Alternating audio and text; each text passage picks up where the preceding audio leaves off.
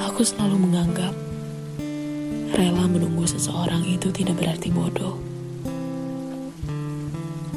Itu hanya berarti teguh pendirian. Karena sekuat apa pun kita menyangkal sesuatu yang dikatakan oleh hati, sekuat itu pula hati kita akan berusaha mendesak. Mungkin karena itulah aku tidak bisa meninggalkanmu sendirian. Meski dengan biadabnya kau bertingkah seolah aku adalah buku harian. Yang cuma kau isi dengan keluh kesahmu. Tanpa perlu kau tanyakan bagaimana perasaanku.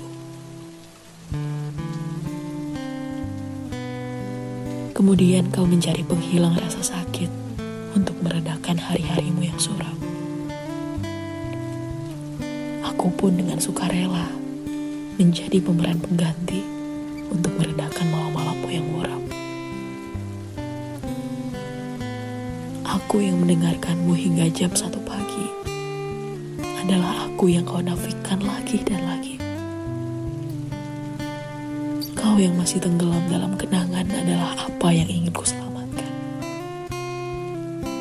Celakanya, aku malah ikut terbenam dalam skenario yang kau ciptakan. Dan kita menjadi terbiasa untuk pura-pura tertawa. Padahal kau dan aku tahu, aku mendambakanmu yang mendambakannya.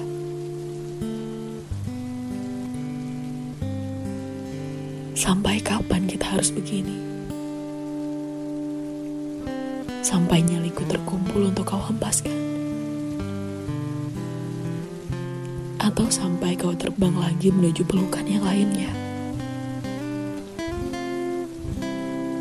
Ternyata menjadi juara kedua itu sama saja dengan berpacaran dengan seseorang yang tidak pernah ada secara nyata.